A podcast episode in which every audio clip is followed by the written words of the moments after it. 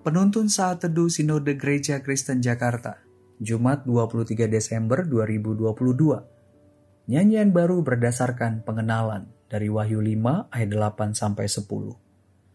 Ketika ia mengambil gulungan kitab itu, tersungkurlah keempat makhluk dan kedua puluh empat tua-tua itu di hadapan anak domba itu. Masing-masing memegang satu kecapi dan satu cawan emas penuh dengan kemenyan. Itulah doa orang-orang kudus dan mereka menyanyikan suatu nyanyian baru katanya. Engkau layak menerima gulungan kitab itu dan membuka meterai-meterainya, karena engkau telah disembeli dan dengan darahmu engkau telah membeli mereka bagi Allah dari tiap-tiap suku dan bahasa dan kaum dan bangsa. Dan engkau telah membuat mereka menjadi suatu kerajaan dan menjadi imam-imam bagi Allah kita, dan mereka akan memerintah sebagai raja di bumi. Saudara, Pengalaman pribadi seorang pencipta lagu pujian selalu berkaitan erat dengan pengenalannya terhadap Tuhan. Dari pengenalan tersebut lahir lirik-lirik dan nada-nada yang dirangkumkan dalam suatu pujian bagi kemuliaan Tuhan.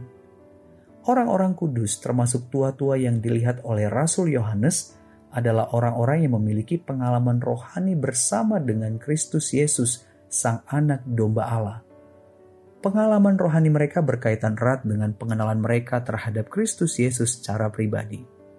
Pengenalan mereka tertuang dalam nyanyian baru yang mereka kumandangkan di hadapan Sang Anak Domba Allah.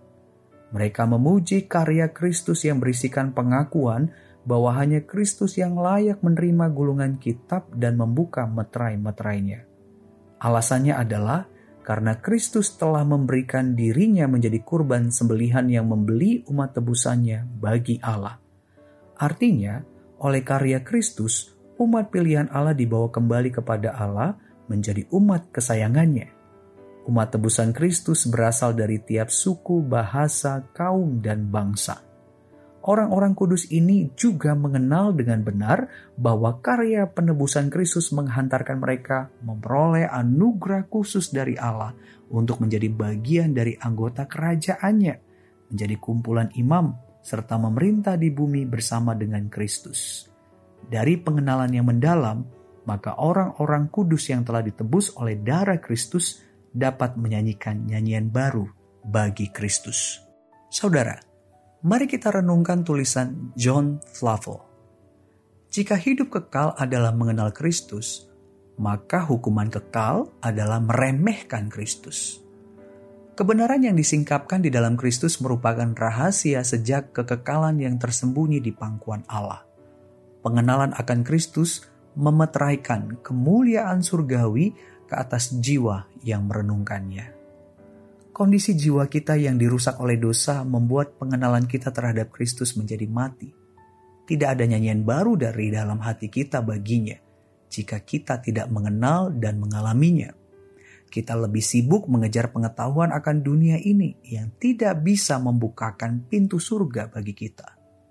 Bersyukurlah kepada Allah yang melayakkan Kristus, Anak Allah, untuk membukakan gulungan kitab.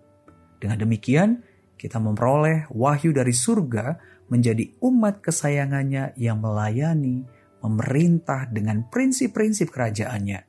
Dengan demikian, kita mengalami pembaruan hati dengan selalu ingin mengenal Kristus melebihi apa pun yang ada di dunia ini. Saudara, nyanyian baru dari hati anak Tuhan selalu lahir dari pengenalannya yang mendalam terhadap Kristus. Tuhan Yesus memberkati.